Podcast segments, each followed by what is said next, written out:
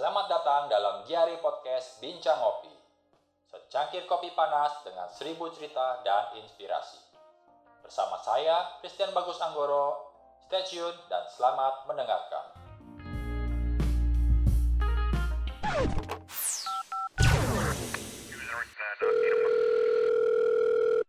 Halo, Halo, selamat malam. selamat malam. Maaf mengganggu waktunya. Enggak, memang sudah siap-siap kok. Apa kabar, Mbak? Baik-baik. Kamu gimana? Apa kabar? Sehat, sehat semua. Sini kondisinya juga udah pada semangat siap tempur semuanya. Amin. Mudah-mudahan kondisinya semakin membaik ya. Ya, tahun ini pokoknya semuanya siap tempur. Iya. Setelah kita sekian lama apa itu namanya jadi apa tuh namanya? Apa tuh? pen- apa eh, istilahnya tuh kaum rebahan ya. Oke. Ya, itu sebenarnya rebahan tuh bisa ngasih inspirasi yang banyak sekali, Mbak. Iya, benar. Selamat datang, Mbak ya, di acara Bincang Ngopi.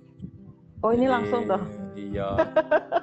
Jadi di Bincang Ngopi ini kan biasanya kita tatap wajah langsung karena mungkin Iya.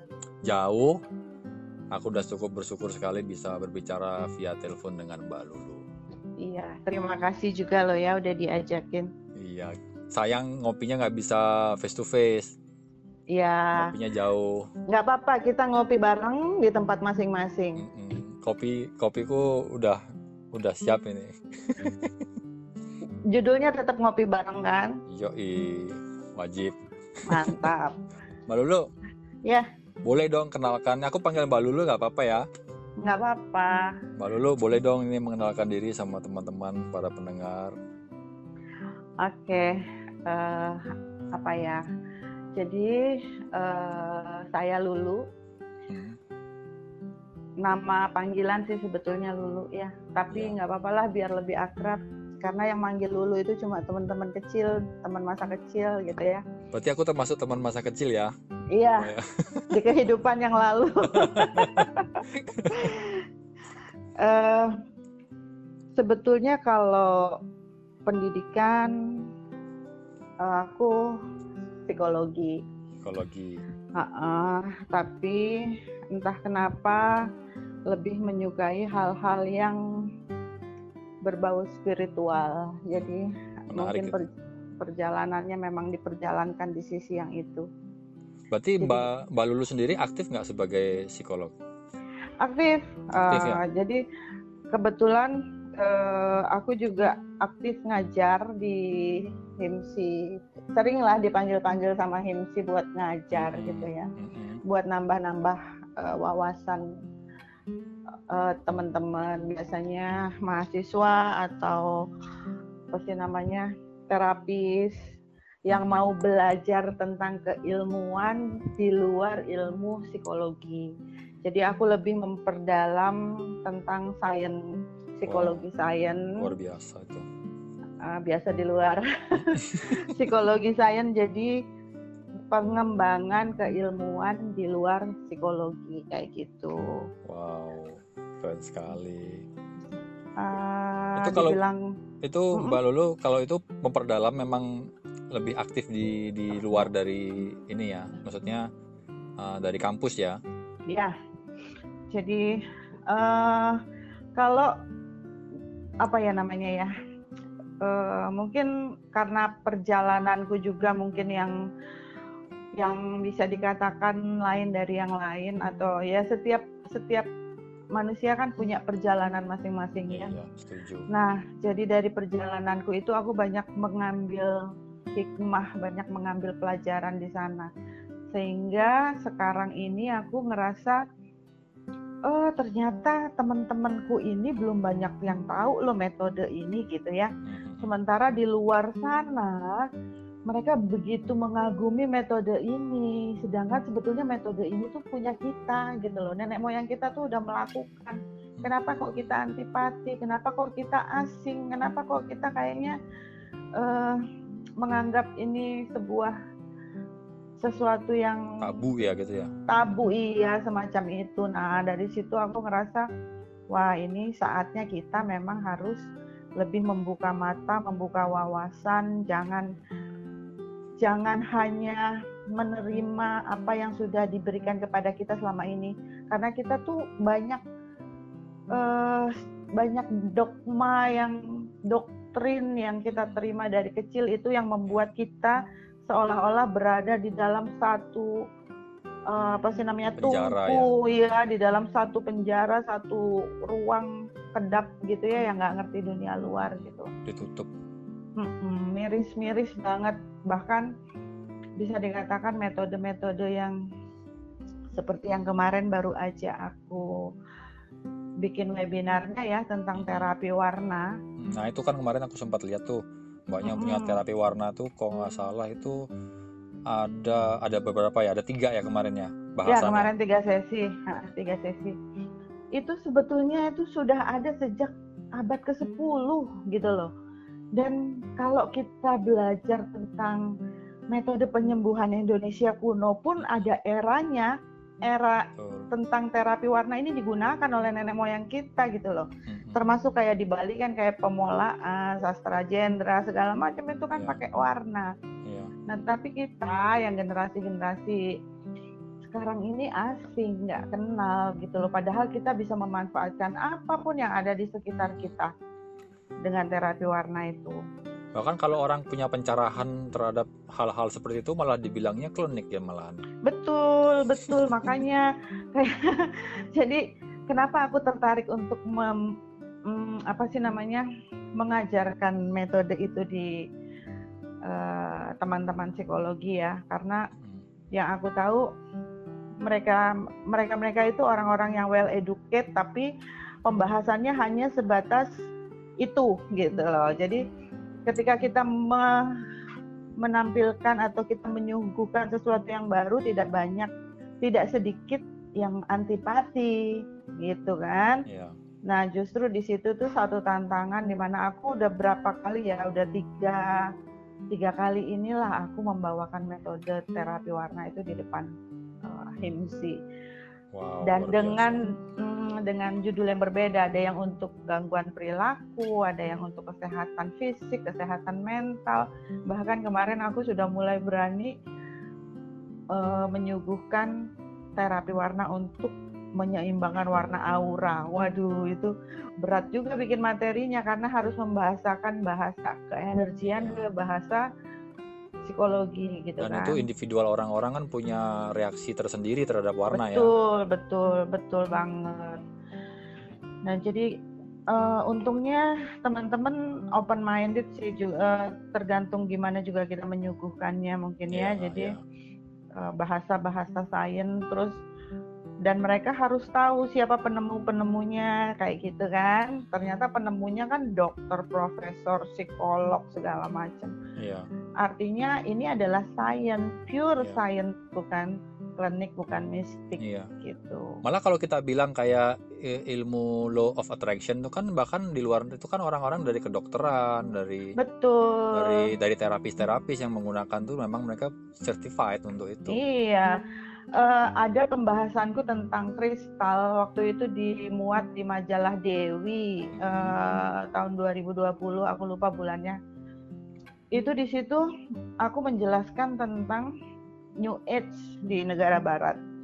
New Age ya. Gimana uh, New Age itu era New Age itu di tahun 1900 itu mereka mulai terbuka terhadap segala macam keilmuan termasuk ilmu-ilmu metafisik yang uh, apa apa tuh namanya yang di sini tuh sebetulnya nenek moyang kita sudah lakukan kayak metode-metode penyembuhan dengan sekali sentuh, dengan penyembuhan jarak jauh itu kan sebetulnya nenek moyang kita sudah melakukan. Iya. Nah, ternyata dikupas dari sisi sains itu semuanya pakai metode fisika kimia gitu loh. Iya, Jadi kuantum kan? Kuantum. Artinya nenek moyang kita itu sudah melakukan dan kita hanya berkutat pada wacana kan gitu ya kita yeah. cuma tahu teori-teorinya prakteknya kita menganggap itu klinik padahal yeah. kan bagaimana caranya mereka memindahkan satu benda ke, ke dalam tubuh dengan kecepatan cahaya itu kan sebetulnya yeah. sains tapi kita tidak pernah berpikir sejauh itu jadi ya, potong kompas aja lah oh itu kelenteng oh itu Iya, soalnya mungkin dulu kan bangunan kan tidak banyak, banyak pohon-pohon, hutan-hutan, jadi dikirain dan tradisi Ya. seperti itu kan orang kalau mau bertapa harus menepi ke gunung ya Iya, kan. iya Akhirnya untuk ketenangan, artinya ya kadang-kadang Mm-mm, mm-mm. akhirnya kalau sebenarnya semua orang di Indonesia ini tercerahkan lah kalau kita bisa bilang mungkin luar biasa dahsyat majunya Oh Indonesia. banget, banget, banget. Karena sekarang yang eh,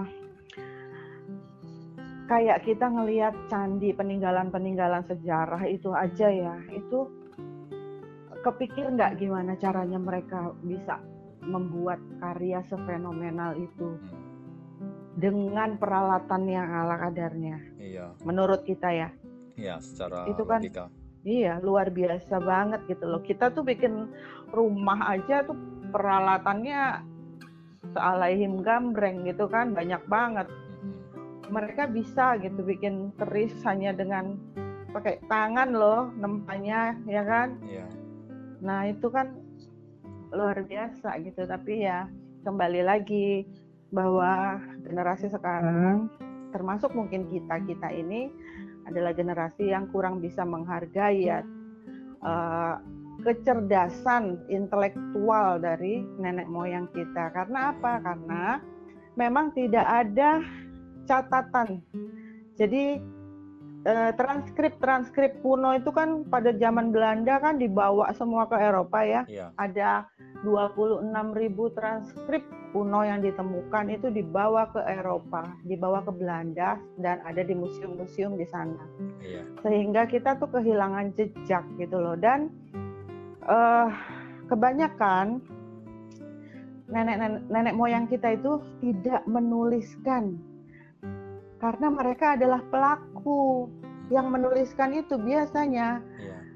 Yang melihat yang belajar Iya, ya kan yang betul, yang betul. baru datang jadi kayak contohnya gini eh, ada tukang gudeg nih dia bikin gudeg tuh enak banget dia nggak akan punya resep Iya. yang bikin resep adalah orang yang makan terus kepengen belajar.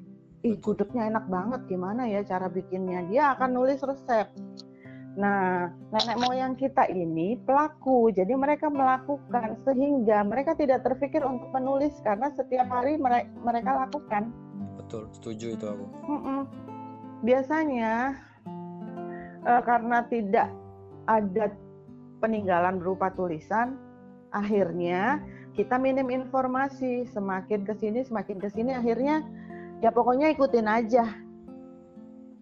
Jadi nggak ada rumusan rumusan pastinya gitu loh. Pokoknya caranya gini gini. Oh ya ikutin aja.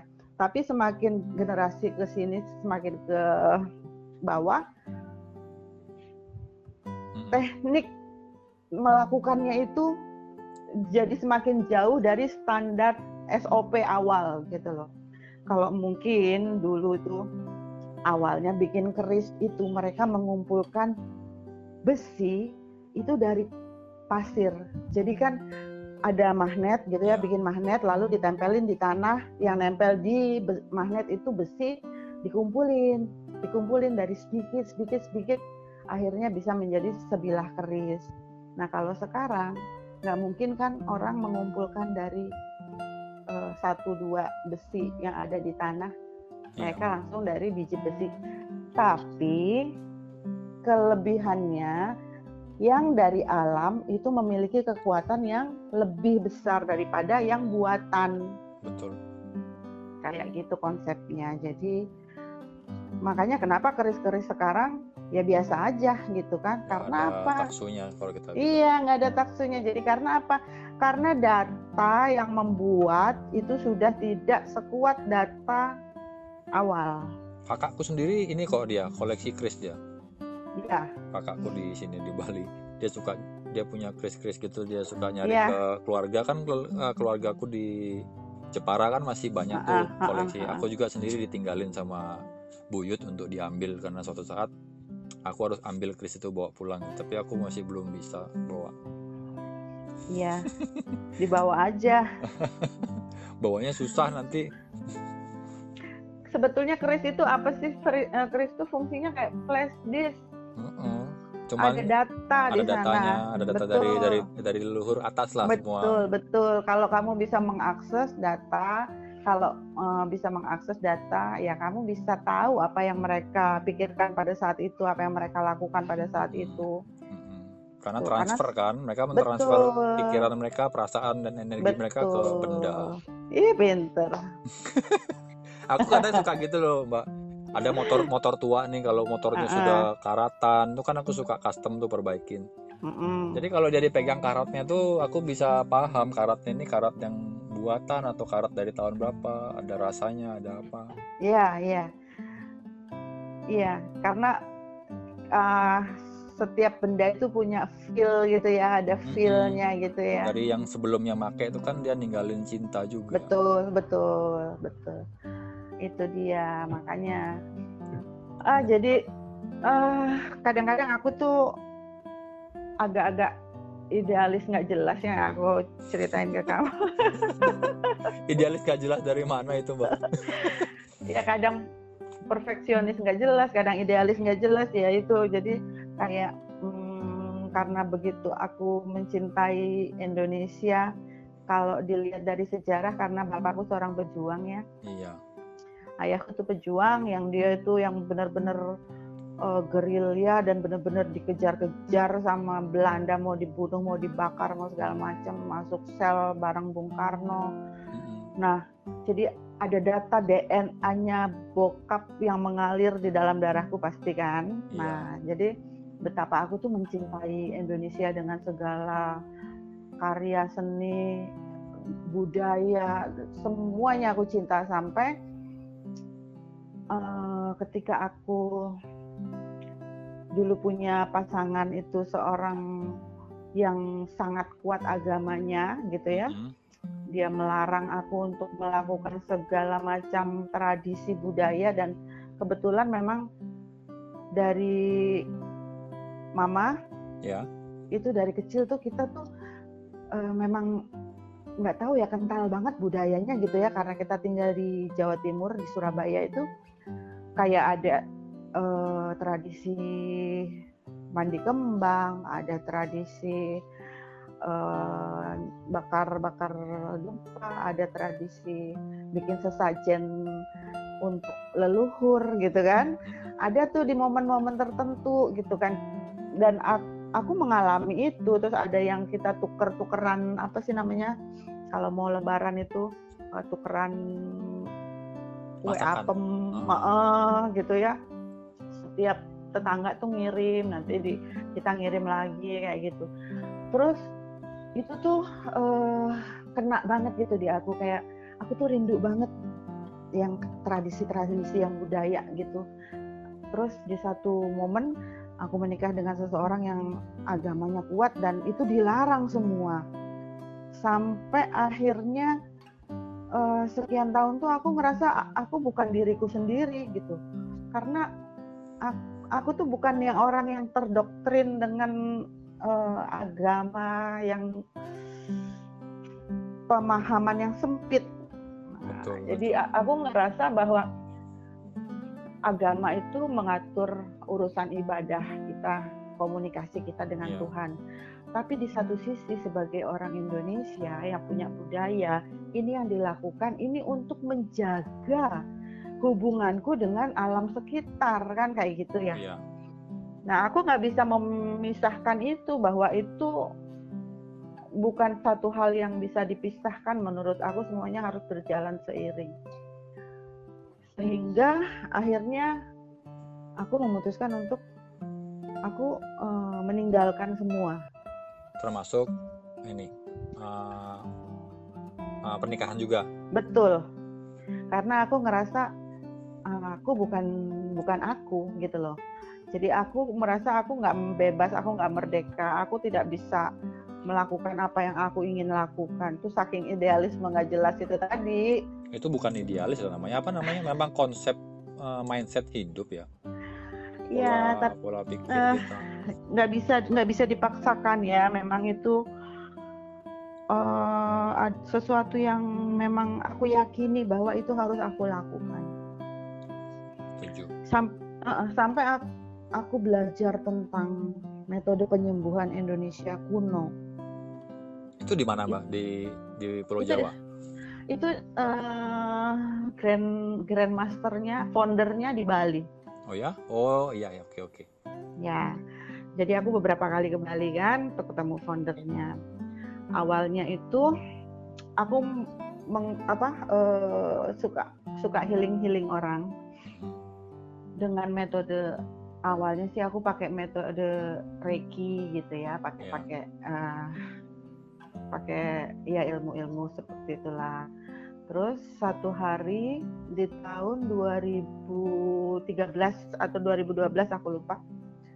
Aku lagi nyem- eh, nyembuhin orang yang kena eh, black magic, Oh. kena black magic.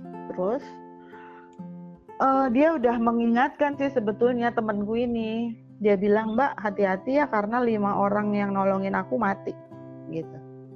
Tapi aku kan bilang, "Eh, gue kan nolongin lu ikhlas kok. Maksudnya aku, aku nggak minta bayaran. Aku juga nggak, aku cuma nolong kamu aja karena eh, namanya temen gitu ya. Terus aku bilang ya gimana yang di atas aja. Kalau memang waktunya mati pasti mati. Setelah nyembuhin itu dia berangsur membaik. Aku tuh dalam satu tahun bisa empat kali masuk rumah sakit. Energinya kesedot ya. Bias Betul. bias biasnya ya. Betul. Terus eh, jadi kayak ada pertukaran residu gitu loh. Hmm, hmm, hmm. Terus aku waktu itu belajar sama eh, guruku namanya Pak Sony kalau kalau ada ada di Facebook beliau. Dia bilang kamu itu kayak spon. Kamu bisa nyembuhin orang, orangnya enak, semua eh, residunya, semua karmanya kamu sedot gitu kan. Coba belajar grounding yang benar. Belajarlah grounding segala macam. Tapi anehnya kalau energi negatif kita lebih banyak, Pindah ya. kita males grounding tuh. Males. Jadi berat banget mau grounding. Padahal kan cuma grounding gitu yang males banget berat banget.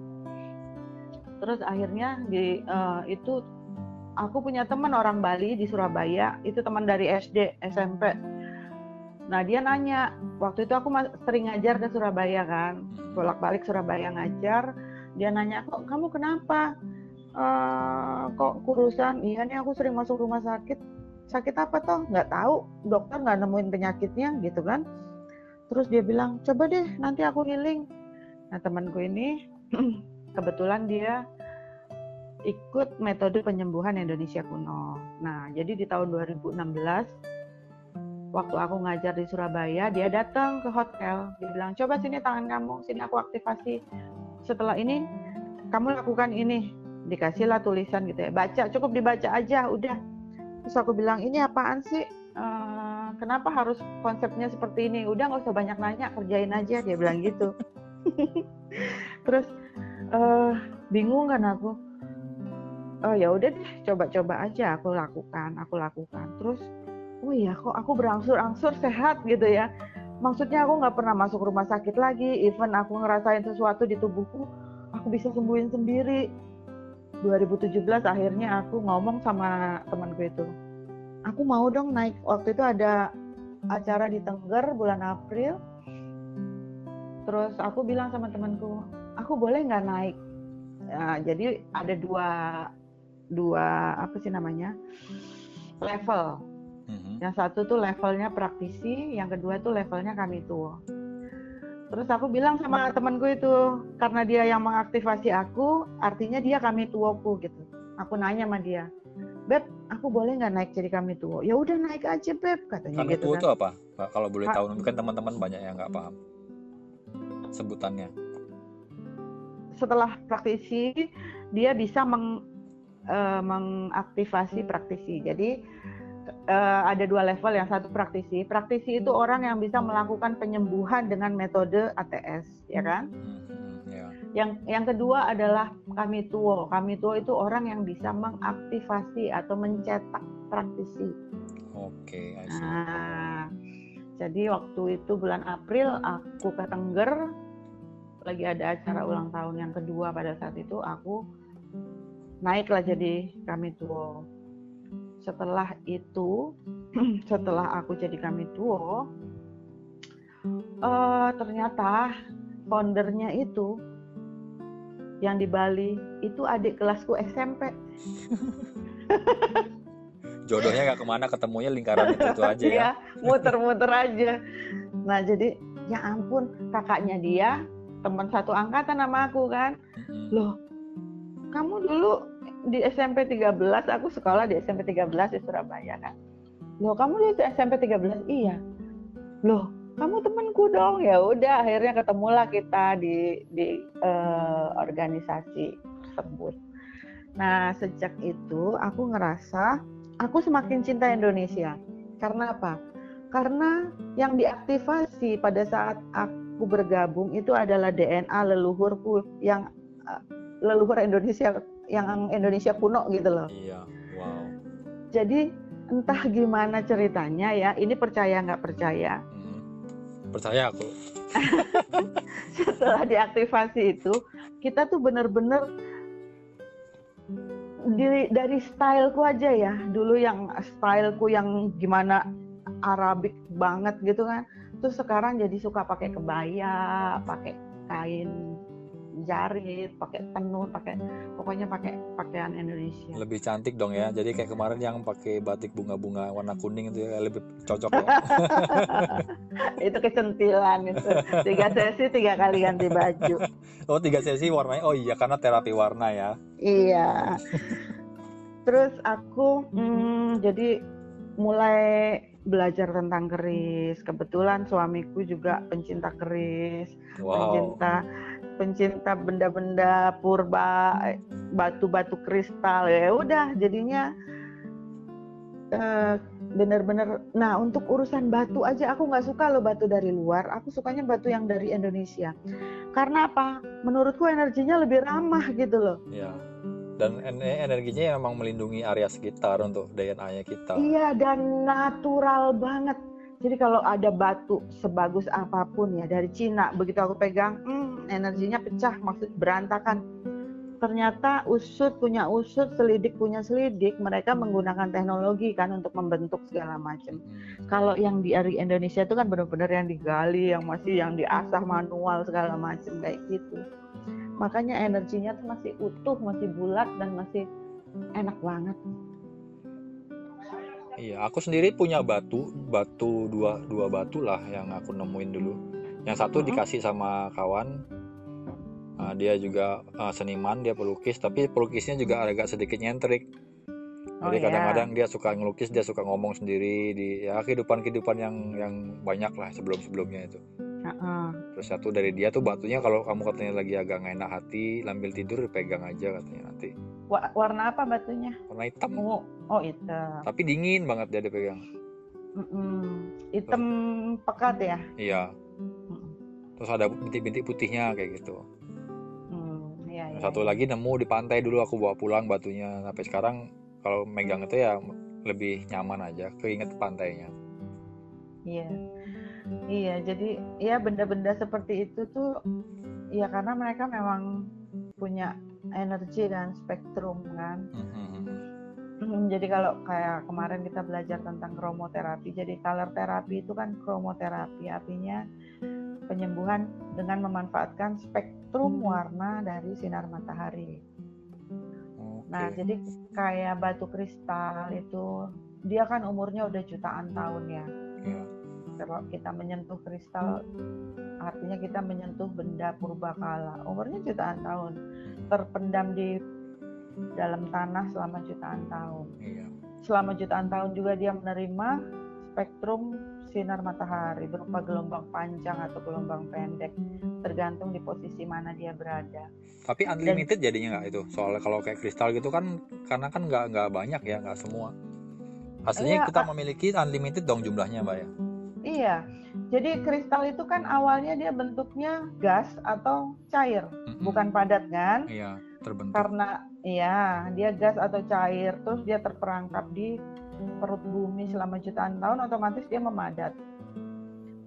Terletak da- eh, tergantung di posisi mana dia berada, ya di situlah dia menerima sinar yang paling banyak, entah merah, entah orange, entah hijau, entah apa.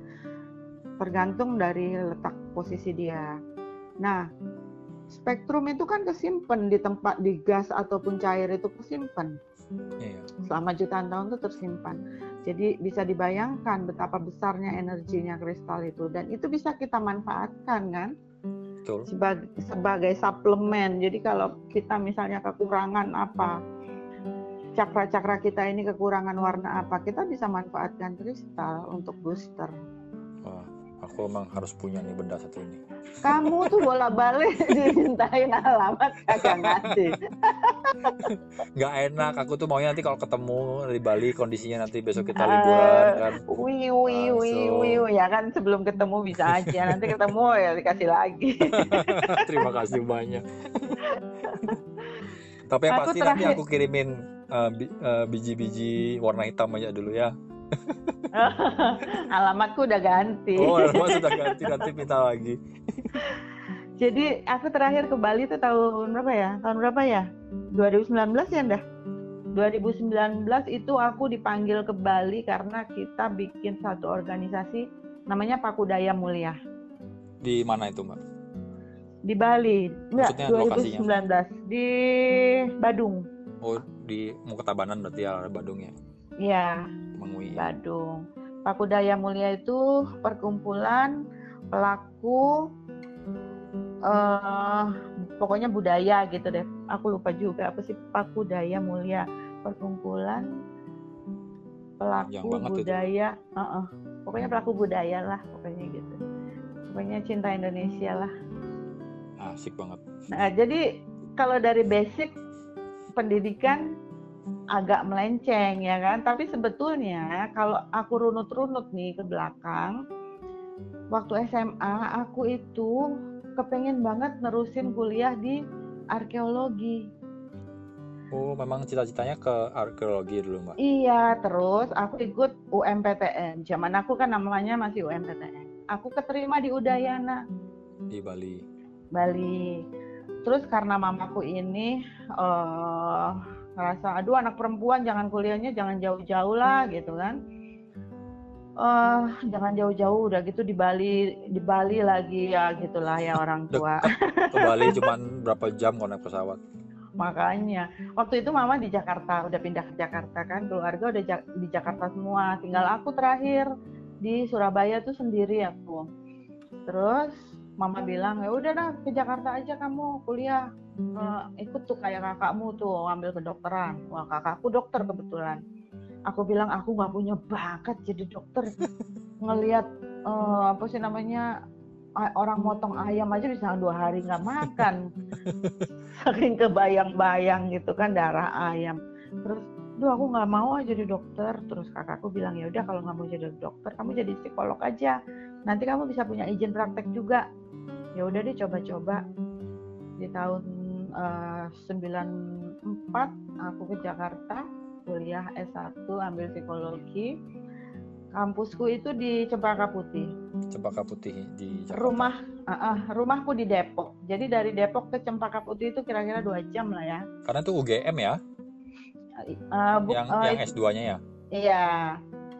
Nah terus eh, dua jam perjalanan dari Depok ke Cempaka Putih udah gitu ak- tahun itu juga aku tuh ngelamar kerja. Jadi karena nggak niat kuliah aku ngelamar kerja pada saat itu. Kok tau taunya aku keterima juga kerja. Akhirnya aku kerja di eh, suatu perusahaan asing perusahaan Jerman waktu itu.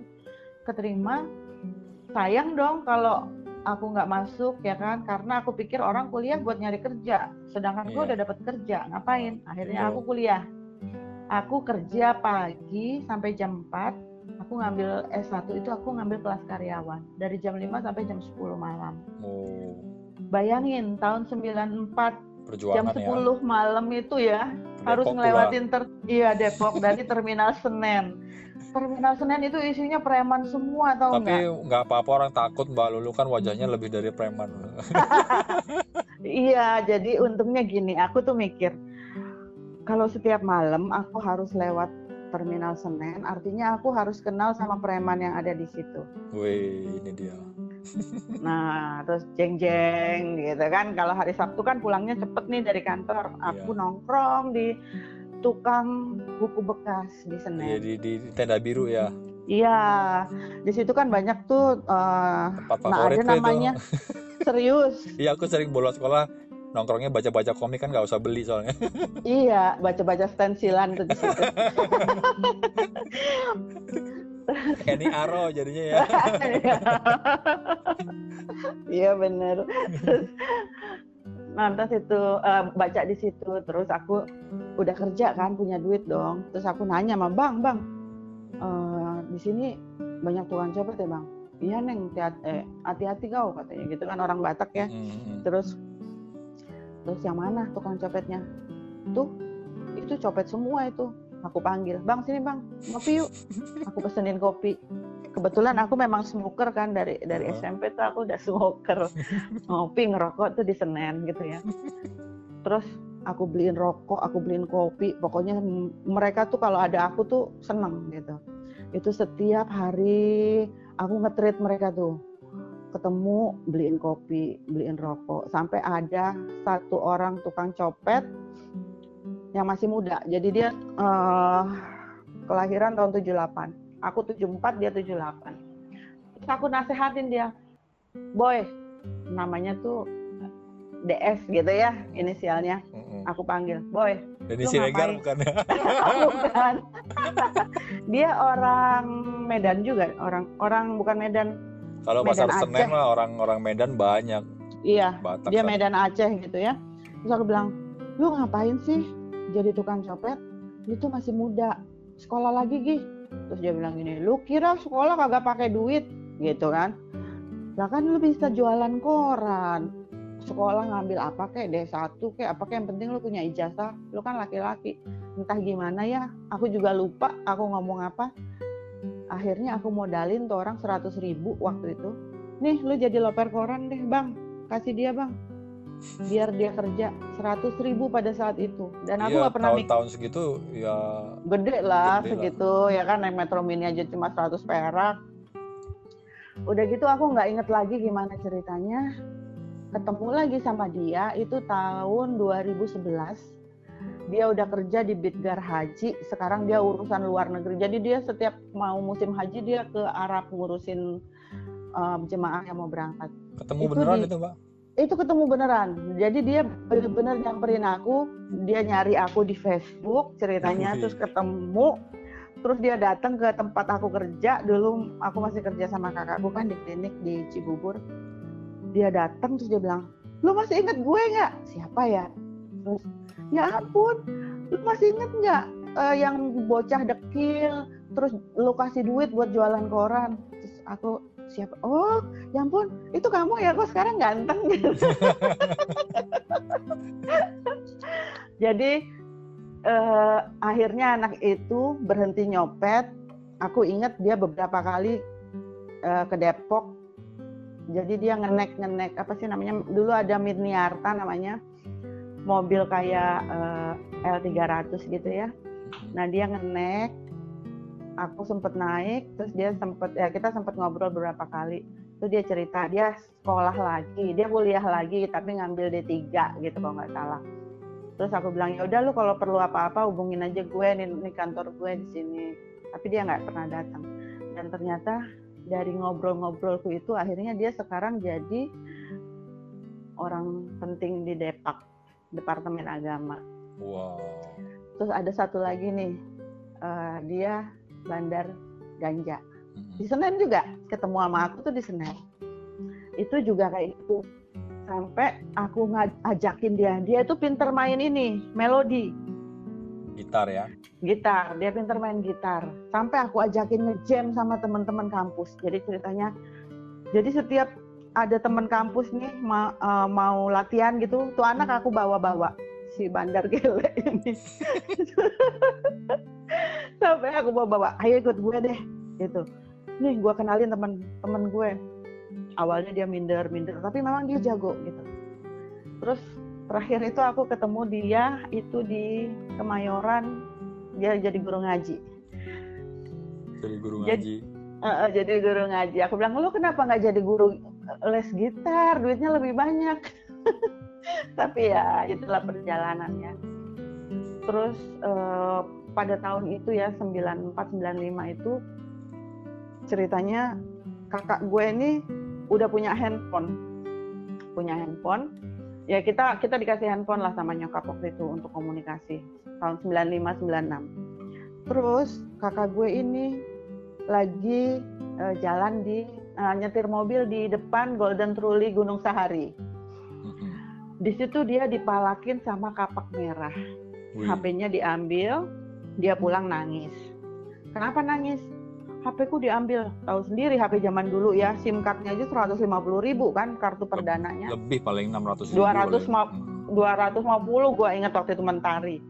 Terus dia nangis kan, dia bilang, HP ku diambil sama kapak merah, di mana? Di depan Golden Truly. Jam berapa? Jam 8 malam. Ya udah, besoknya aku datengin si eh, yang megang Senen, premannya Senen. Aku bilang, "Bang, kakak gue kemarin di depan Golden Truly HP-nya dipalakin sama kapak merah. Lu bisa nyariin nggak? Gua kasih duit 20 ribu. Beres katanya gitu. Terus pas pulang aku mau pulang ke Depok aku dicegat. Nih Neng, HP-nya warna kuning kan? Iya warna kuning. Pulang Utuh aku ya? kasih utuh masih utuh. Pulang aku kasih ke kakak gue langsung gue digampar. Kamu kenapa bisa dapat HP ini dari mana? Apa yang kamu lakukan di Jakarta? aku bilang aku kerja, pulang kerja aku kuliah. Kenapa bisa dapat HP ku ini kan diambil kapak merah? Pulang gue digampar, gue bilang udah bagus, gue ambilin HP-nya gue digampar. Aduh lucu deh kalau inget-inget kalau mas. itu memang emang ya kita ya emang begitulah cara hidup di Jakarta aku kan juga lu- lumayan lama di Tanjung Priok Ya, ya Tanjung Priuk lagi ya. bandel-bandelnya tapi Tanjung Priok tuh nggak sejahat kata orang kok orang Tanjung Priok tuh baik-baik Emang iya kok. cuman stigmanya emang sudah dibilang jelek gitu aja terlalu berani Mm-mm. orangnya Mm-mm. Jadi kayak kayak dulu aku ngerasa siang malam di Senen itu ya biasa aja gitu loh. iya Nggak nggak ada yang nggak sehoror horor cerita orang. apalagi aku dulu kalau di Jakarta kan naik metro mini ke mana-mana dari Priok Mm-mm. turun di Cempaka Putih Cempaka Coca-Cola Coca-Cola jalan lagi ke pasar eh, ke terminal Senen Iya, di Nongkrong. Coca-Cola paling banyak banci itu, Iya. ya kan? kalau malam kalau siang mah Iya, kalau malam. Nah, kalau habis itu nongkrongnya kadang di atrium, kadang di Rawamangun, kan gitu-gitu aja. Tahun berapa itu? Aku di Jakarta tahun 94 Nah, sama dong. Aku sampai dari Surabaya pindah ke Jakarta 94. sampai tahun 2003. Oh, tapi bolak-balik Bali habis itu bosan dipecat lagi sekolah, balik lagi, boleh bolak-balik gitu aja deh. bosan sekolah. Nah, ini Mbak, Mm-mm. Ceritain dong nih bagi informasi kemarin kan ada sempet uh, buat apa namanya webinar itu. Menarik energi keberuntungan kemakmuran dan cinta. Itu hubungan sama cinta ini kan mungkin pendengar kan banyak nih yang jomblo nih butuh mencintai. Hmm. bisa dibagi informasinya buat kita semua para pendengar. Jadi ya konsep dari terapi warna itu ya konsep dasarnya itu bagaimana eh, kita memanfaatkan spektrum sinar matahari eh, untuk kesehatan. Sebetulnya itu konsep dasarnya. Terus di dalam tubuh kita ini kita punya eh, ribuan cakra. warnanya ya Tapi yang harus kita kenali yang ada di tubuh utama itu ada tujuh. Tujuh Nah, warna dari yang paling bawah sampai yang betul. paling atas itu ya. Betul. Nah, jadi konsep terapi warna itu sendiri adalah warna yang bisa direspon oleh cakra-cakra tubuh. Mhm. Jadi kita memanfaatkan spektrum sinar matahari berupa warna yang bisa direspon oleh cakra-cakra tubuh. Mhm. Nah, kenapa kok eh, kalau kesehatan oke lah udah udah biasa ya kan. Nah kalau untuk eh, apa tadi kemakmuran dan Cinta. cinta. Kalau udah orang bilang makmur itu kan bayangannya bergelimpangan harta tuh, padahal makmur kan Iya. kesehatan juga ya. Iya, nah itu. Jadi kalau ketika kita mengenali sebetulnya konsepnya, konsep yang aku sangat yakini dan eh, memang konsep ini menurutku benar. Ketika aku belajar Ho'oponopono waktu itu ada satu kalimat yang benar-benar sampai sekarang tuh aku ingat. Ketika ada masalah di dalam dirimu, ketika kamu memiliki satu masalah, selesaikanlah masalah itu di dalam dirimu. Karena semuanya tuh adanya di dalam diri. Jadi kita nggak usah nyari penyelesaiannya tuh di luar, tapi Iya. di dalam diri. Nah kalau dikaitkan lagi dengan cakra-cakra tubuh, oh ternyata ketika kita punya masalah nih, even itu masalah keuangan, masalah rumah tangga, kayak mau masalah asmara, kayak Mhm. bener nggak? Itu sebetulnya adalah cakra-cakra tubuh kita yang terganggu Iya. kalau misalnya kita bilang masalah asmara, kenapa saya kok jomblo terus ya? Kenapa kok saya susah banget nyari pasangan? Artinya apa? Ada cakra yang berhubungan dengan relasi kita dengan orang lain. Betul, Ya kan? setuju. Ada cakra di dalam diri kita yang dia memegang kemampuan kita untuk ber, melakukan komunikasi atau hubungan atau relasi relationship dengan orang lain.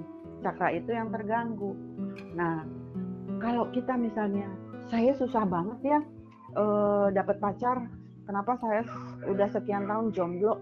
Kalau ketemu eh, cewek cakep saya deg-degan. Artinya ada cak ada masalah di dalam dirinya dia, di dalam cakra-cakra tubuhnya. Nah, itu yang dicari tahu. Cakra yang mana yang keganggu? Bagaimana cara supaya cakra itu tidak terganggu? Gimana caranya supaya cakra itu bisa muter? Kalau dia muternya bagus kan aura yang warna yang dia keluarin berupa aura juga bagus. Kalau warna auranya bagus, walaupun mukanya jelek, orang akan melihat dia Tuh, ganteng. kayak tukul gitu kan malu sorry. Nah, Tukul kan dia ganteng dia. iya Sekarang dia kan? pakai baju apa ya? Ganteng. Jadi ada satu karisma gitu loh, inner beauty gitu loh yang bisa dilihat oleh orang lain. Menerima Walaupun- ya artinya. ya. Betul. Nah jadi itu sebetulnya kalau eh, kita nih nggak nggak percaya diri gitu ya kita tuh eh, rasa percaya dirinya rendah, suka minder. Artinya apa? Oh ada masalah nih di cakra-cakra gue. Cakra yang mana yang berhubungan dengan hal itu? Oh cakra jantung. Oh berarti ada yang tidak seimbang di cakra jantungnya. Coba di treat gimana supaya cakranya itu bisa bersih, bisa berputar, supaya aura yang dikeluarkan juga bisa bagus, bisa terang benderang, bisa tebal. Kan kayak gitu. Biar inner Jadi- beauty-nya lebih Betul, ketika Hmm, cakra bahana. jantungnya cakra jantungnya bagus, dia akan mengeluarkan warna aura yang bagus. Orang ngelihat dia tiba-tiba kas- penuh kasih sayang aja gitu loh. Jadi orang tuh sayang ngelihat dia, terus apa ya namanya? Eh, empati, ada rasa simpati. Jadi ya semacam itulah. Jadi semuanya itu adanya di dalam diri kita masing-masing. Iya, bisa menjadi magnet juga kan itu. Betul, as simple as that loh gitu, Iya. sesimpel itu. Tapi kita kadang-kadang malah eh, yang sibuk dengan oh, skincare lah, ya itu penting juga, Biar glowing gitu, penting, Mbak, ya. Ah, ah, penting. Tapi kalau auranya sendiri nggak dijaga, mau dia pakai skincare semahal apa pun, glowing seglowing apa pun, orang ngelihatnya tetap sebel. Betul itu. Orang itu cantik tapi nyebelin kan jadinya gitu. Iya. Dinikahinnya terpaksa juga lagi. Tiga bulan cerai. ya itu karena udah kalau kita nggak mempelajari dari dalam akhirnya tidak menyelesaikan uh, masalah dalam diri akhirnya apa pun yang kita cari di luar ya percuma juga mbak ya Percuma karena sifatnya sementara. Mhm. sifatnya sementara. dulu aku Jadi pernah ya- tuh kayak gitu tuh aku pernah punya Mm-mm. ceritanya dulu di pernah kayak apa lah bareng itu sama temen uh, kita kayak dimandiin kayak dipotong rambut gitu kan Mm-mm, mm-mm, terus difoto sama dia di atasnya tuh warnanya biru biru keunguan gitu mm. dari kameranya Iya. Jadi kemarin itu aku juga ngajarin sama peserta webinar tuh bagaimana cara melihat aura. kita bisa melihat aura kita sendiri, kita bisa melihat aura orang lain. Nah, Dengan- gimana caranya Mbak kalau bisa dikasih tips nih buat kita nih pada pendengar? Hmm, kalau aura itu gampang, tapi ya kembali lagi jam terbang ya, semakin Iya, sering gampangnya ini kan beda ini trans transfernya. harus sering memperhatikan gitu kan. Nah kalau sebetulnya kalau kita bisa melihat aura orang, ini dari sisi psikologi ya, aku kemarin bahas itu, ketika kita bisa melihat aura orang, artinya kita bisa tahu karakternya dia. Betul. kita bisa tahu karakternya dia, kita bisa tahu eh, sifat asli, kita bisa melihat eh, pola hidup, kita bisa melihat apa yang dia pikirkan, kita bahkan bisa melihat dan mengetahui karmanya. Wih, serem Wih. kan? Nah, ini kalau warna aura aku apa nih, Mbak?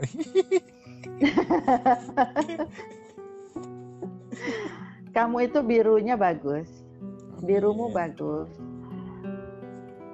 biru bagus, hijaunya bagus, ada masalah di kuningnya agak sedikit kecoklatan. Makan suka nggak teratur ya? Kalau makan kadang suka ya kadang pas lagi lapar makan. Kalau Nah itu, jadi kalau kalau dilihat biru relasi komunikasi bagus, terus hijau kasih sayang, empati, simpati bagus. Masalah sedikit cuma di pencernaan. Nah, itu. Kebanyakan ngopi kurang Aku asam lambung sih sebenarnya. betul itu dia itu dia asam lambung jadi kamu itu harus eh tapi kopi nggak nggak bikin asam lambung sih Aku kopi cuma sehari sekali loh, Mbak. yang penting nggak pakai gula Gak pernah pakai kalau gula. kopi kopi pahit is oke golongan darah apa Aku O. Orang O itu cenderung asam lambungnya memang tinggi sehingga kamu tidak terlalu disarankan untuk makan banyak sayuran. Hmm, Kamu disarankan untuk makan daging merah karena daging merah itu sulit dicerna sehingga asam lambungmu kepake semua buat mencerna daging merah. Tapi kalau kamu banyak makan sayur, sayur itu kan cepet dicerna. Jadi Iya. dia butuh butuh sedikit asam lambung doang, sisanya akan lebih banyak. Terus orang O itu juga mudah kena alergi Iya. gitu. Aku lagi hawa dingin tuh biasanya alergi. Ya gatel-gatel kan, biduran Mm-mm. gitu ya. Iya. Hmm. Tapi kalau orang O itu memang dia supel, dia mudah bergaul, tipikal guru, eh, kemampuan leadershipnya juga bagus orang O itu ya. Dia cocok jadi pemimpin, dia merangkul, nggak diktator gitu. Cuma Hmm. kalau orang O itu agak-agak selengean, easy going, Iya, kadang-kadang ya suka-suka lah kan. Heeh. No rules Tapi- soalnya. di situlah bahagianya ya kan. Iya. Aku juga oh soalnya. Tapi punya banyak teman orang O itu. Iya, karena memang aku sebenarnya kalau namanya berteman, kita namanya berteman kan sama siapa aja. Dan kita bisa menyerap uh, banyak energi, banyak ilmu, banyak Iya. masukan, informasi yang masuk itu penting kok. Aku senang sebenarnya. iyalah. Jadi mau ke mana aja kan kita bisa ketemu siapa aja itu bisa Betul. jadi teman. Aku juga kan nunggu kalau nanti Mbak Lulu datang ke Bali, Ih pengen banget, aku pengen banget sumpah. ntar gua kenalin sama teman-temanku yang warna-warni. Bagus. Oh asik, mantap. Di dalam laut. Mau yang berapa meter dalamnya? Boleh. Serius. Diving nanti kita. Oh diving. iya iya. Keren tuh. Harus itu, harus, harus. Nah, ini Mbak, Mm-mm, aku sempat dulu kan kita ngobrol-ngobrol tuh kayak numerologi. mm-mm. Terus Mbak Lulu tuh kan juga bisa tarot ya. bisa Sebenarnya tarot-tarot itu bisa nyambung ke zodiak kan sih, Mbak? bisa semua nyambung Bisa, ke ya? semua heeh. Wow. tapi Seru aku juga. sekarang lagi suka lagi suka eh, membaca orang dengan candle dengan lilin Nah, itu beda ya. nama na- beda-beda namanya candle gazing ya jadi dari cahaya lilin itu kebaca semua gitu apa yang kamu tanya semua bisa kelihatan dari cahaya lilin. Terus dari lelehan lilin juga kebaca masalahmu apa. Hmm, kayak Bahkan yang kamu, ada ya lilin ya berarti ya iya lilin. Bahkan yang kamu nggak cerita pun dia bisa baca. Kalau kawanku dulu ada tuh mbak orang gipsi Mm-mm. gitu orang-orang kayak gipsi gitu Heeh. tapi dia dari kopi nanti kopi kalau sudah habis Iya. tuh uh, ada Kopi teh bisa. uh, terus ada ada kayak bekas-bekas kopi itu dia bisa lihat-lihat di situ tuh gue lihat apa ini orang Betul.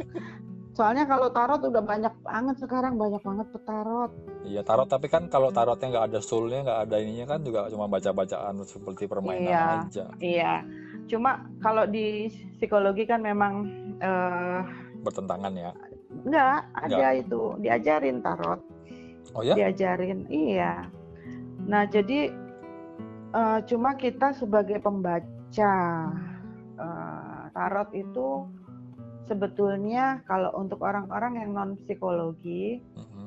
eh tidak diajarkan jadi gini ya ad- dalam pembacaan tarot ada hal-hal yang tidak boleh kita bacakan yaitu ketika hal tersebut tidak memberdayakan bagi klien. Mhm. Nah, jadi kalau dari sisi psikologi sebetulnya pembacaan kartu tarot itu harus sangat hati-hati. Nggak semua bisa kita bacakan gitu loh. karena akan Ada hal- ya Betul, itu dampaknya langsung. Dampaknya langsung dan itu kan sebetulnya beban moral buat yang membaca. Kalau misalnya ketika dia selesai membaca tiba-tiba si kliennya ini mengambil satu keputusan yang salah, betul itu sebetulnya beban moral buat yang membaca gitu loh. Tapi nggak tahu lagi ya, eh, ya mungkin rata-rata mungkin pasti paham lah seperti Ya. itu konsepnya.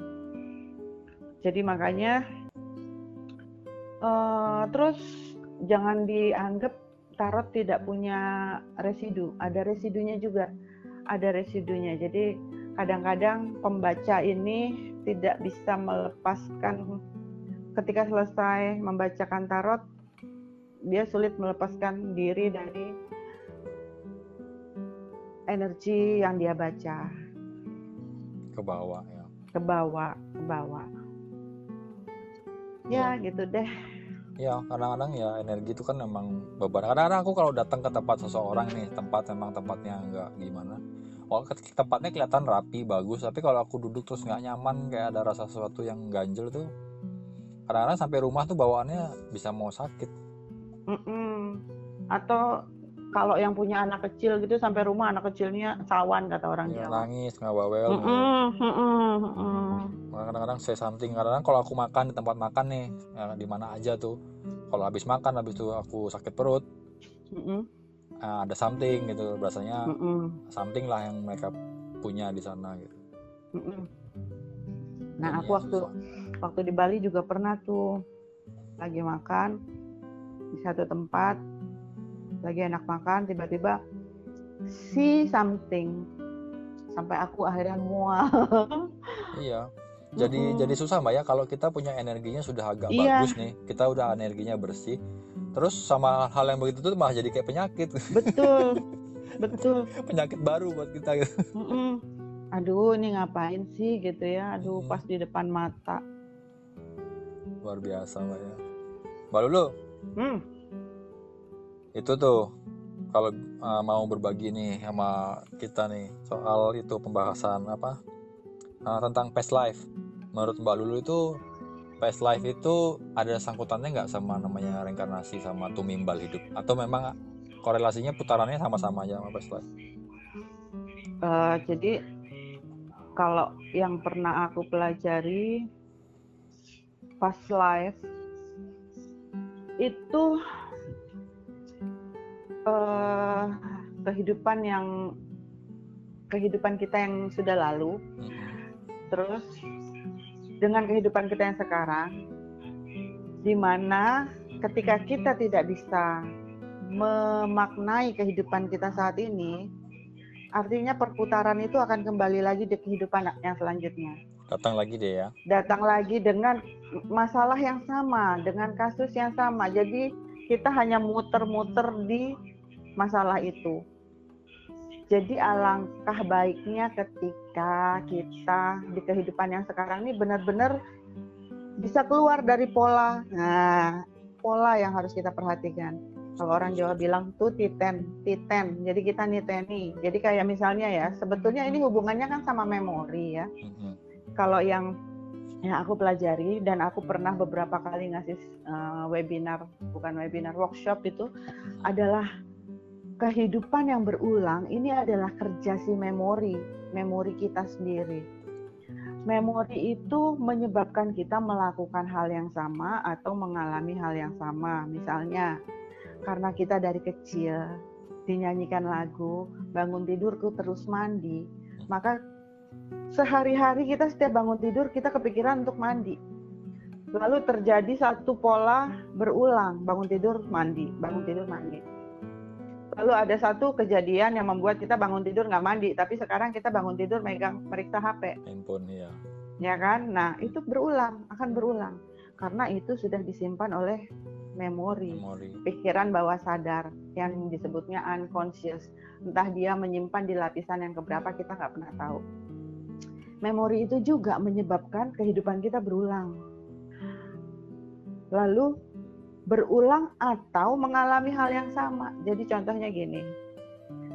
Seorang anak terlahir dari dua orang, ibu dan bapak. Anak ini membawa 46 kromosom, 23 dari ibu, 23 dari bapak bapaknya ini juga berat, ber, mendapatkan 23 kromosom itu dari orang tuanya. Orang tuanya dari orang tuanya terus sampai ke yang paling atas. Bayangkan. banyak sekali gitu. Oh, banyak sekali. Coba sekarang bayangkan. Rambut dari sehelai rambutmu, rambutmu DNA itu mirip kan ada kayak ya. ram, uh, uh, DNA-nya DNA papimu misalnya ya. Hmm. Papimu dari neneknya, mirip neneknya, neneknya mirip dari bapaknya. Itu terus sampai ke atas. Itu berisi data nggak? isi dong Nah, jadi dari rambut aja ya, rambut aja nih misalnya hal yang kecil. Dari rambut kamu itu mirip rambutnya papimu misalnya. Hmm, ya Papimu mirip rambut neneknya misalnya ya. Dan itu terus sampai ke yang paling atas. Artinya dari rambut aja itu sudah data berapa generasi. Misalnya 11 generasi ke atas. Itu kan isinya berarti data semua, data dari generasi pertama sampai generasi ke-11 itu ada semua di rambut. jadi kayak misalnya kalau kita bisa ngakses tuh kayak nonton film ya Iya. Jadi kalau hubungannya sama memori, data itu kan mengis- eh, mengandung memori, ada memori di sana. iya Nah, itu baru rambut, belum mata. Belum hidung. Hidungmu mira- misalnya mirip mami, misalnya ya, mirip mami. Mami mirip ibunya, ibunya mirip ibunya, ibunya udah berapa generasi itu dan itu semuanya ada memorinya. Yang entah memorinya pernah jatuh nih hidung, pernah terpukul, pernah dipukul pakai tongkat kasti misalnya. Semuanya kan kerekam Akhirnya- ya kerekam sampai ke kamu, eh, sampai ke anakmu. sampai berarti kalau sampai ada aku ada kayak pengingat kayak berulang-ulang gitu kayak satu kejadian yang berulang tuh bisa aja bisa aja bisa dari orang yang dari sebelumnya ya Betul, betul. Nah, jadi kayak misalnya ya, hmm, aku mau ngomong apa tadi ya? Mau ngomong apa lupa. Lanjut deh. Jadi eh, misalnya kejadian yang berulang yang kayaknya kita pernah ke sini deh kayak gitu kan, deja vu Hmm, gitu ya. ya Iya, bisa jadi dari memori. Entah memorinya siapa, mungkin memorinya orang tua kita, memorinya kakek nenek kita. Nah, itu juga yang terjadi sama misalnya kayak gini, ada suami istri eh suaminya suka mukulin istrinya. Iya. Kejadian ini akan terekam di memori bapaknya, si eh, eh, memori si laki-laki bahwa dia memukul istrinya dan di mem- memori istrinya bahwa dia dipukul sama suaminya. Lalu mereka punya anak. Memori ini akan tercopy paste secara sempurna ke anaknya. Anak ini akan mengalami hal yang sama atau melakukan hal yang sama. Jadi entah kenapa, walaupun anak ini nggak ngerti kejadiannya kalau ibunya pernah dipukul bapaknya, tapi suatu saat dia akan melakukan hal itu karena memori Mhm. kayak gitu. Berarti Dan untuk memori- tuh berat ya tanggung jawabnya ya Iya, jadi eh, ada namanya past life therapy. Ada sebetulnya di eh, aku pernah belajar tentang past life therapy. Nah, terus si anak ini akan mengalami atau melakukan hal yang sama. Itu udah jadi pola. Iya. Bahkan ketika bayi masih janin di dalam kandungan, dia sudah bisa mengakses memori kedua orang tuanya. Dan ini benar-benar terjadi. Jadi uh, aku pernah punya kasus yang kayak gitu. Ada ada klien yang dia bercerita bahwa kenapa dia membenci ibunya, padahal ibunya tuh baik banget sama dia, sayang, perhatian, care gitu ya, sampai dia udah punya suami, punya anak. Jadi aku bilang kalau memang kamu kepengen tahu, kita hipno aja. Hipnoterapi sampai uh, jadi kan mundur ya kalau hipnoterapi itu mundur, mundur sampai kejadian dia di dalam janin. Jadi ternyata ketika dia di dalam janin, ibunya pengen anak laki-laki. Hmm, ini tanggung jawab juga tuh. Uh -uh. Sebagai anak pertama, ibunya pengen anak laki-laki. Hmm. Cuma tercetus aja, kepengen anak laki-laki. Ternyata yang lahir perempuan. Tapi ketika udah tahu anaknya perempuan, ya tetap disayang gitu ya. ya. Cuman penolakan itu ya. Betul. Jadi anak itu menangkap satu penolakan bahwa dia tidak diinginkan oleh ibunya sampai akhirnya dia benci sama ibunya kayak gitu doang tapi kita ini sebagai orang dewasa kadang-kadang kan nggak sadar gitu loh bahwa itu ya. ternyata akan membawa pengaruh ke anak kita berarti emang bener-bener kalau orang mau berumah tangga punya anak tuh aduh bener-bener siap mental uh, lahir harus, dan batin harus apa namanya harus tidak boleh ya meminta ya. sesuatu yang memang bisa menyakiti betul jadi sebetulnya pengetahuan ya, wawasan harus benar-benar kita paham gitu loh. Nah kalau uh, mungkin orang-orang orang-orang tua kita dulu kan nggak nggak nggak paham hal-hal seperti itu ya. Iya. Tapi semakin ke sini semakin canggih pengetahuan, semakin banyak metode yang digunakan digunakan untuk penyembuhan. Jadi kita semakin tahu banyak. Hmm. Oh ternyata janin itu makanya kenapa kok kalau pengen anaknya pinter dengerin musik gitu kan ya ternyata dia sudah merespon gitu merespon segala sesuatu yang ada di luar dirinya. Kerennya manusia. Betul.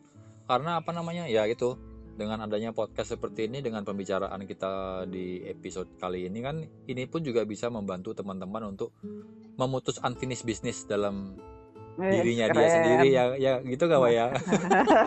Maksudnya kita, siapa tahu kita punya masalah yang yang mengganjal gitu kan? Uh -uh. itu bisa bisa bisa saja berkonstelasi langsung sama Mbak Lulu nanti kalau bisa. bisa di dalam deskripsi podcastnya mungkin Mbak Lulu bisa kasih izin mungkin bisa uh, ke blognya Mbak Lulu atau ke website atau ke IG dan sebagainya yeah. bisa kita sertakan Mbak ya bisa mantap Iya benar mbak. Kita kembali ke penolakan itu. Mm-mm. Kalau kayak penolakan itu kan itu janin sebenarnya sudah ditolak artinya sudah dari awal tuh sudah di dia bisa merasa kan. Mm-mm. Nah kalau saya dulu kakak tuh kan ada di dalam keluarga kakak tuh kan laki-laki. Uh-uh. Anak kedua tuh mama tuh pingin maunya perempuan. Ya lahir lagi laki-laki. Laki-laki akhirnya saya merasa di reject jadinya gitu karena dia yeah. pinginnya perempuan ya kan. Tapi untuk akhirnya, dibesarin. Iya, tapi akhirnya entah kenapa kamu selalu ingin uh, selalu bertolak belakang biasanya kayak gitu kan. Hmm. Misalnya orang tuanya kepengen kamu masuk STM, enggak aku pengen masuk SMEA gitu. Hmm. Jadi uh, karena perasaan tidak diinginkan, perasaan dinaik, uh, ditolak itu menyebabkan kamu atau siapa pun merasa bahwa saya nggak harus ngikutin maunya orang tua kan gitu karena kan gini-gini nah, selalu seperti itu kejadiannya ya. biasanya kan lahir lagi terus mama punya anak lagi yang ketiga lahirlah perempuan. Mm -mm. sudah aneh. Artinya itulah kadang-kadang ketika kita menginginkan itu terlalu di luar ekspektasi kadang-kadang mungkin mereka sendiri punya kekecewaan dalam hati ya. Iya uh -uh berat juga ya. tanggung jawabnya sebagai betul, orang betul. Jadi uh, manusia itu complicated banget ya. Yang namanya pikiran bawah sadar unconscious kita tuh complicated banget. Dia tuh seperti uh, punya ratusan lapisan tempat dia nyimpen file yang kadang-kadang kita nggak bisa ketemu tempatnya di mana. Harus di defrag ya. Kalau di komputer kan ditata ulang lagi. Iya. Uh, iya, jadi kita nggak tahu filenya itu di mana, dia taruh di mana, dan kita untuk uh, meng, apa sih namanya, entah mau mengupgrade atau kita mau menghapus, itu kita kesulitannya di situ karena yang namanya pikiran bawah sadar itu sangat sangat misterius. Hilang dan, dan pergi. Iya, jadi uh, mereka itu kan nggak tahu yang mana hitam, yang mana putih gitu ya yang mana benar, yang mana salah, yang mana baik untuk kita, yang mana nggak baik untuk kita tuh mereka nggak ngerti. Yang mereka tahu adalah mereka melakukan tugas apa pun yang diserahkan kepada mereka akan mereka lakukan, gitu loh.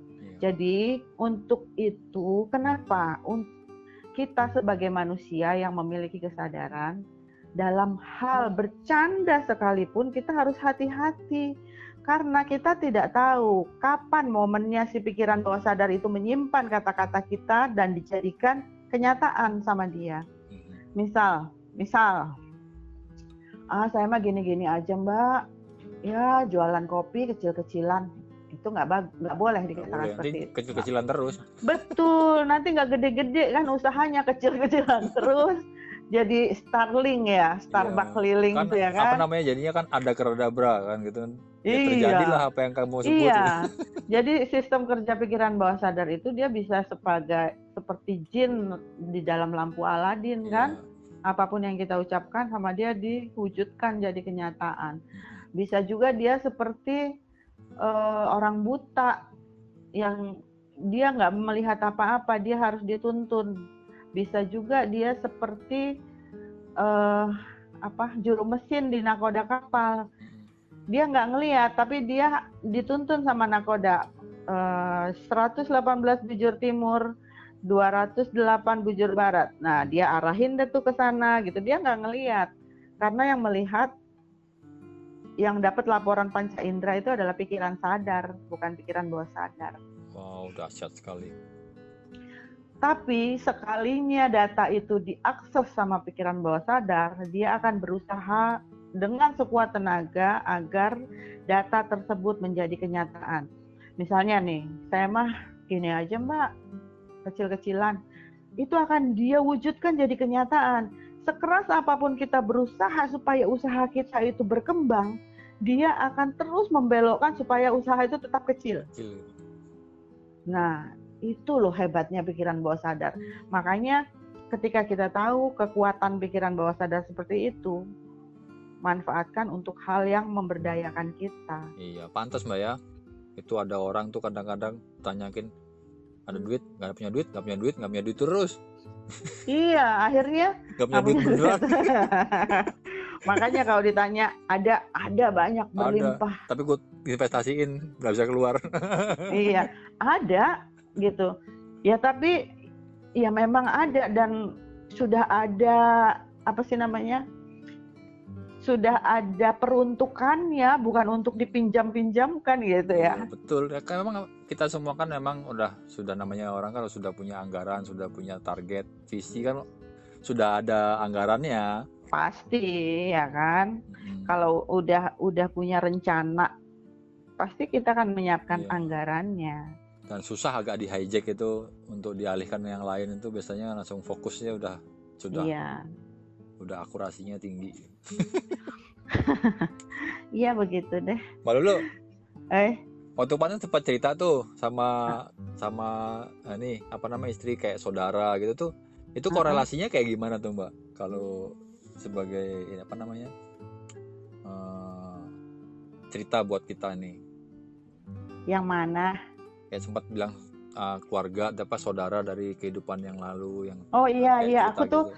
jadi gini eh, nggak uh, tahu ya maks mas uh, maksudnya gini aku sometimes uh, bisa bisa melihat sesuatu yang kadang tidak terfikirkan oleh orang atau tidak terlihat oleh orang gitu loh itu uh, memang dari kecil kebetulan dari kecil tuh kayak kayak gimana ya kalau dibilang punya punya six kelebihan. ya. Kalau dibilang six sense ya karena ada beberapa kali kejadian tuh yang benar-benar terjadi kayak misalnya misal ya ini aku uh, cerita hmm, waktu yeah. masih kecil, masih kecil aku kelas 3 atau 4 SD aku lupa. Mama itu mau pergi. Jadi mamaku itu dulu eh, business woman gitu kan. Nah, dia ke mana-mana tuh naik Vespa. Wih, keren banget.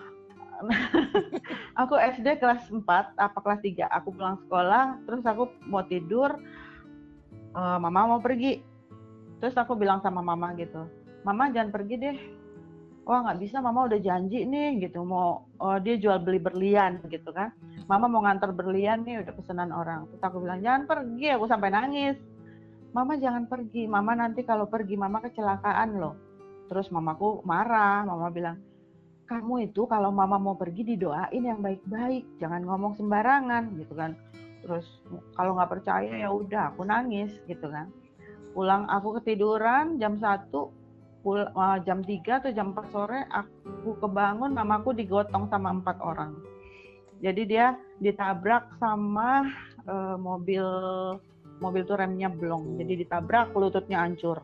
Hancur maksudnya uh, cuma luka-luka gitu? Hancur lututnya hancur. Hancur lututnya. Nah terus sama bokap nah bokap kan orang NTB ya dibawa pulang lah ke Sumbawa. Nah di Sumbawa di berobat tiga bulan terus pulang tuh udah bisa berdiri. Nggak dioperasi loh itu. Di Sumbawa nah sana. Oh, di Sumbawa. Nah terus yang kedua itu waktu nenek meninggal itu aku kelas ya SD lah lupa. Malam lebaran aku tiba-tiba nangis. Aku bilang sama mamaku mama nenek meninggal mah dibawa ambulan. Terus mulutku tuh sama mama di di Cubit. apa sih disentil gitu loh. Disentil ini anak nih suka ngomongnya ngaco gitu. Terus dapat telegram nggak lama tuh dapat telegram dikabarin nenek meninggal terus bapakku bilang gini wah berarti nih anak kalau ngomong hati-hati ya katanya gitu. E, coba didengerin kalau dia ngomong. Nah akhirnya sejak kejadian itu mama itu kalau mau nagih orang nanya aku ini mama mau nagih dapat nggak nih? Gitu.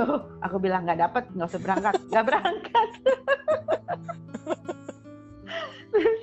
Kalau aku bilang dapat mah. Terus dia bilang yaudah nanti kalau dapat mama beliin jaket jeans ya. Iya dapat dapat gitu. Jadi sudah ditanya-tanya gitu kan tetangga juga pada suka nanya-nanya gitu. Nah terus udah aku dewasa, aku tuh sangat terganggu sama jadi aku melihat itu kayak slide film tau nggak? Jadi aku tuh kadang-kadang pusingnya gini ya ketika lagi makan gitu di tempat makan aku ngelihat orang itu aku ngelihat slide kehidupan potongan-potongan cerita kisah masa lalu masa depan. Sampai aku bilang ini ngapain gue ngelihat gini? Kenal juga enggak kan sama orang itu gitu ya. Sampai aku pernah punya teman terus aku bilang sama dia eh istri kamu lagi sini loh. Dan kadang tuh nyeplos aja gitu loh. Terus oh yang bener pak. Ternyata terbukti apa yang aku omongin tuh kejadian-kejadian terus waktu tahun 2017 yang aku ditengger tadi di mm-hmm. inisiasi jadi kami tua yeah. aku ngomong sama founder ATS guru besarku aku bilang bah bisa nggak aku ditutup aja? Karena aku pusing ngelihat segala sesuatu yang nggak ada hubungannya sama aku gitu loh.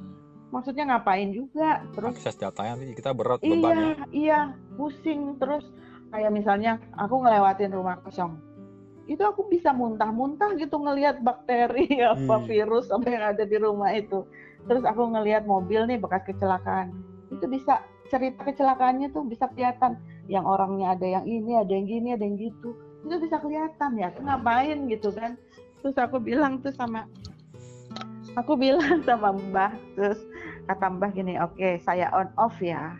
Jadi sesekali ketika kamu ingin melihat kamu bisa on tapi selebihnya off. Ya ya udah mbak aku ngapain harus ngelihat yang kayak gitu? Pusing. bagus loh mbak kayak ngeliat Instagram dan Facebook berjalan berarti eh kalau ada duitnya mah nggak apa-apa ya ampun.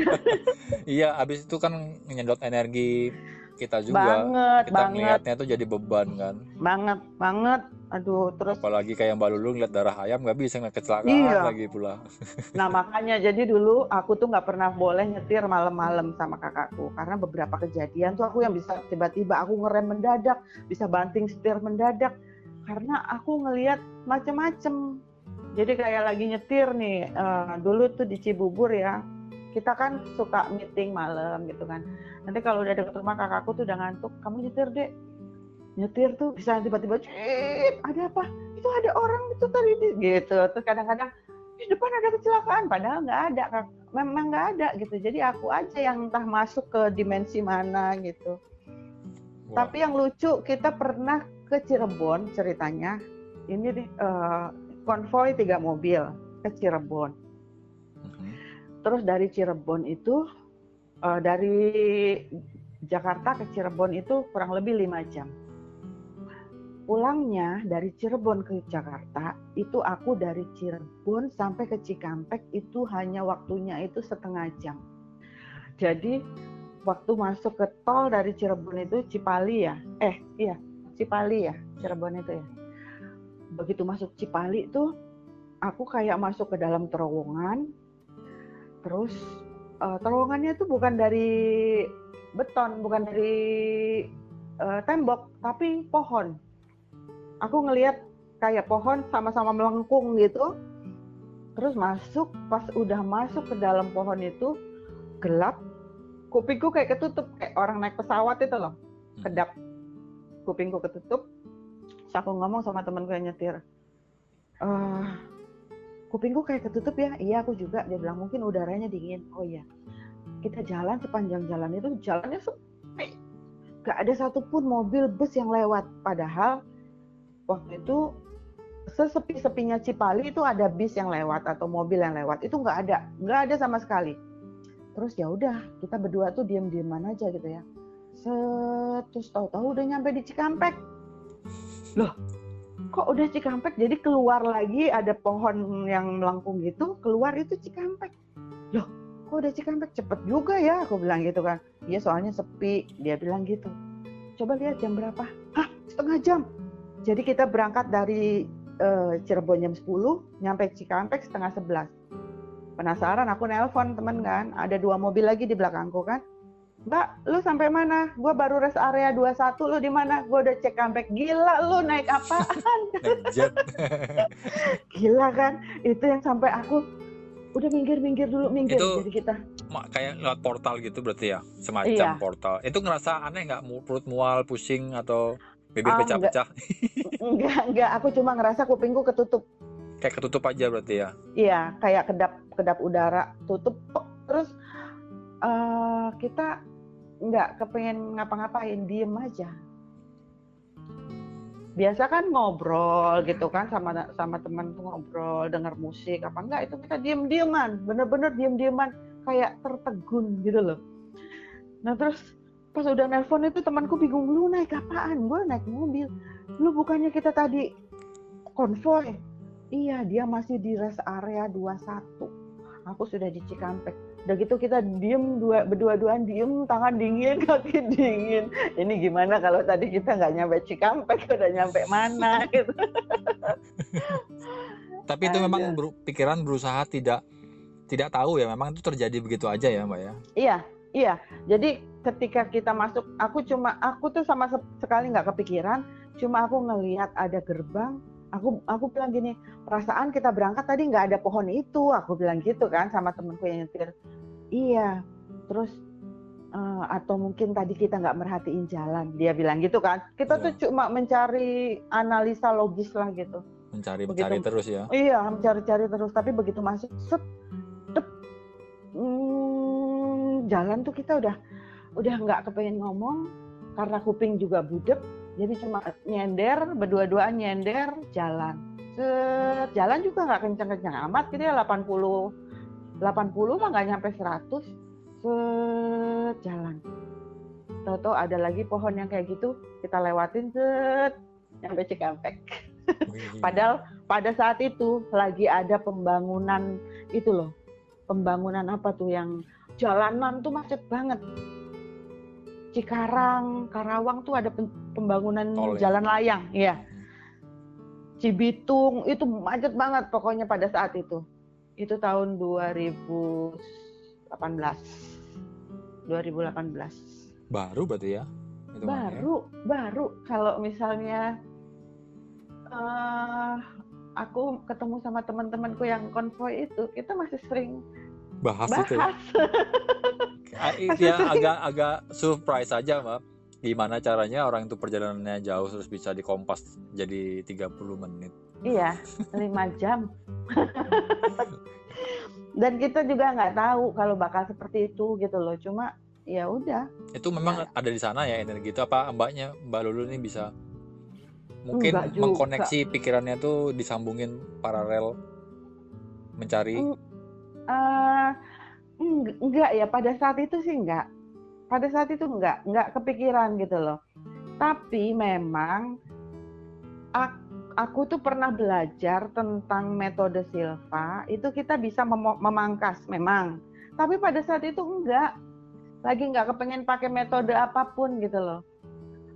Jadi uh, aku pernah belajar tentang Silva itu tentang ak aktivasi otak kanan ketika otak kanan kita aktif tuh apa pun bisa kita lakukan gitu kan. Jadi pernah di Surabaya pada saat itu tahun 2014-2015 aku punya satu grup yang aku ajarin tentang metode Silva. Jadi ini grup percontohan. Satu tahun aku coaching, isinya dokter, terus uh, pialang saham gitu ya di grup itu. Waktu aku ke Surabaya ngasih pelatihan, hari ini uh, hari ini uh, aku harus pulang ke Jakarta. Terus jam 4 sore aku mau nyekar ke makamnya bapak. Jam 4 sore aku diantar sama temanku itu yang yang uh, dia pemain forex. Ayo dah aku antar suhu gitu. Aku dipanggil suhu. Terus diantar aku nyekar di makamnya bapakku selesai nyekar, aku harus naik kereta yang balik lagi ke Jakarta itu kereta jam 8. Terus dia bilang gini, e, Hu jangan lama-lama ya Hu, soalnya jam 6 anakku harus dijemput. Anaknya di Jagir, Jagir Wonokromo, SMP 12. Aku nyekar bapak di Gayungan. Gayungan itu yang arah ke Waru itu ya. Udah gitu, aku nyekar, habis nyekar aku mau ke mobil balik ke mobil ketemu sama tetangga. Tetangga aku masa kecil. Diseret lah aku ke rumahnya dia ngobrol ngobrol ngobrol ngalor ngidul. Ternyata sudah jam 5 lewat eh, jam setengah enam.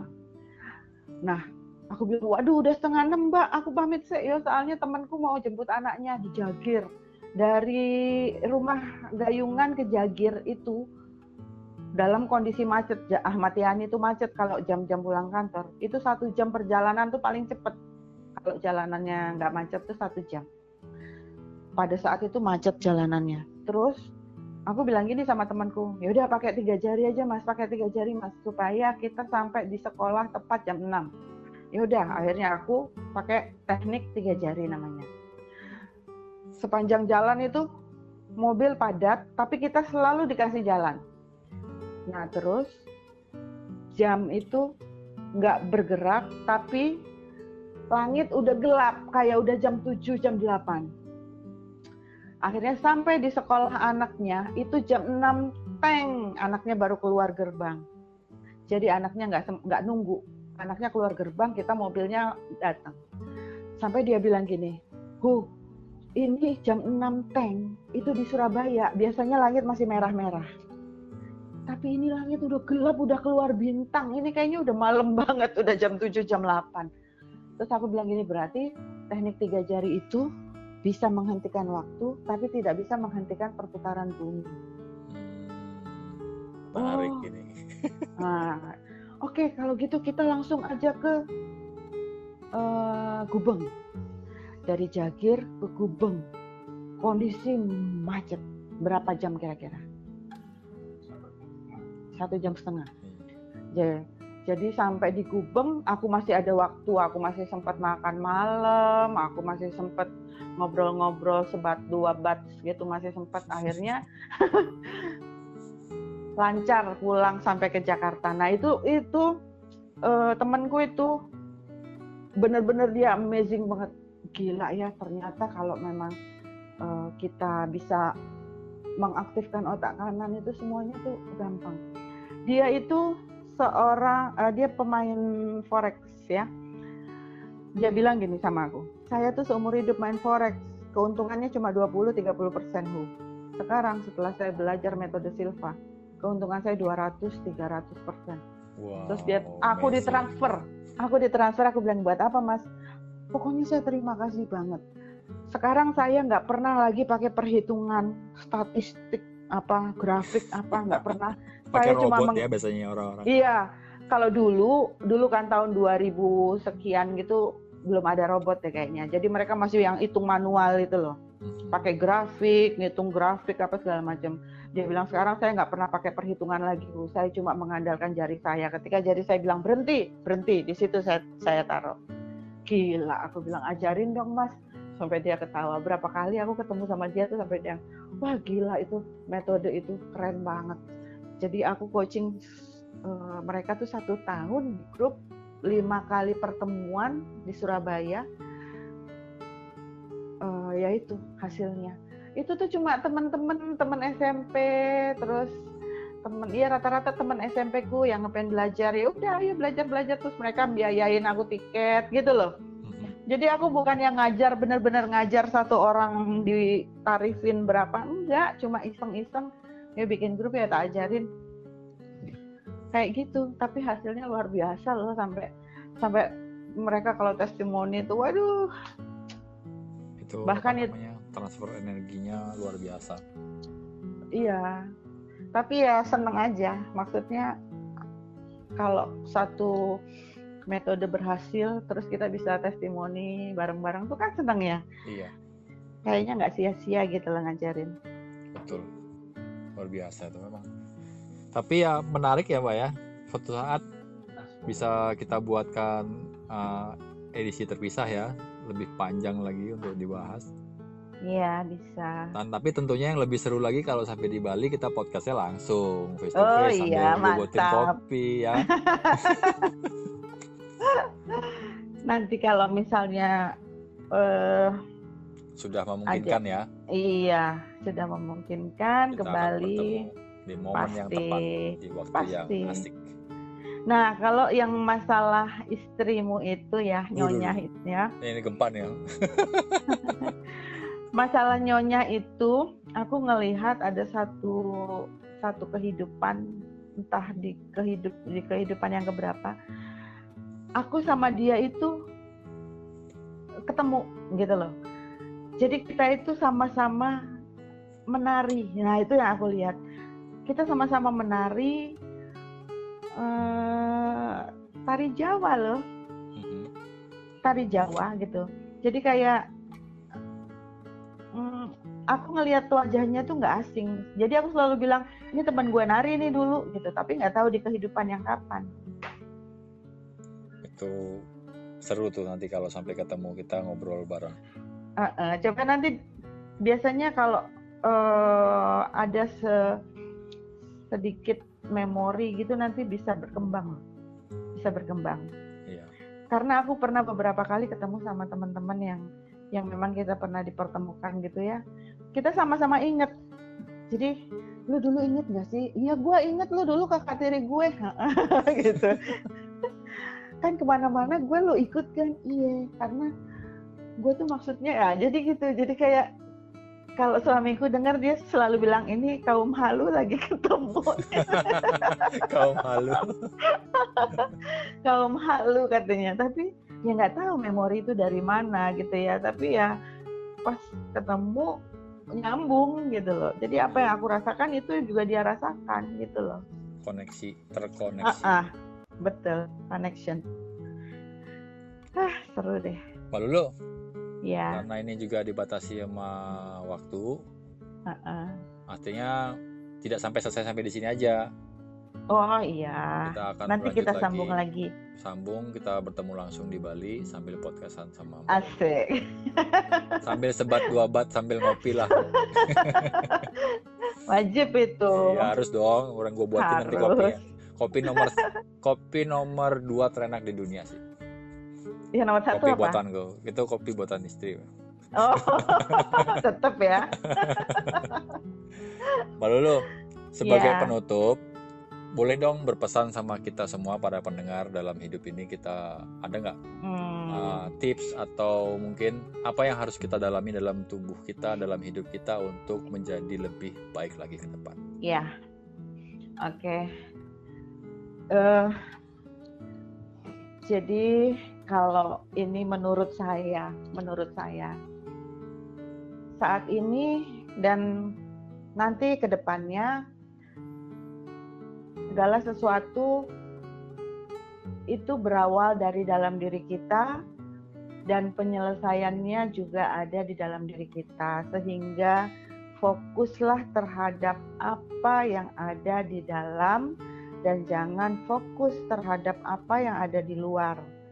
Karena segala yang kita inginkan, kita butuhkan semua adanya di dalam. Ketika kita fokus ke dalam diri, maka kita akan menemukan kesejatian. Tapi ketika kita fokus keluar diri kita, maka eh, apa yang kita inginkan itu semakin tidak jelas. Jadi eh, pesan malam ini jadilah seseorang yang mengenal dirinya, tahu apa yang dia inginkan, tahu dia harus bagaimana, dan eh, tidak perlu memikirkan segala sesuatu yang nggak penting. Gitu aja.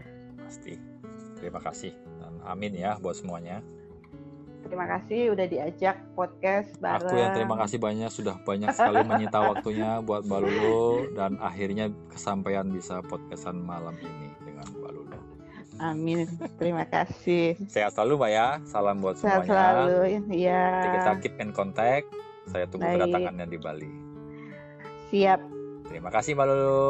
Terima kasih. Sehat-sehat ya. Selamat malam. Selamat malam.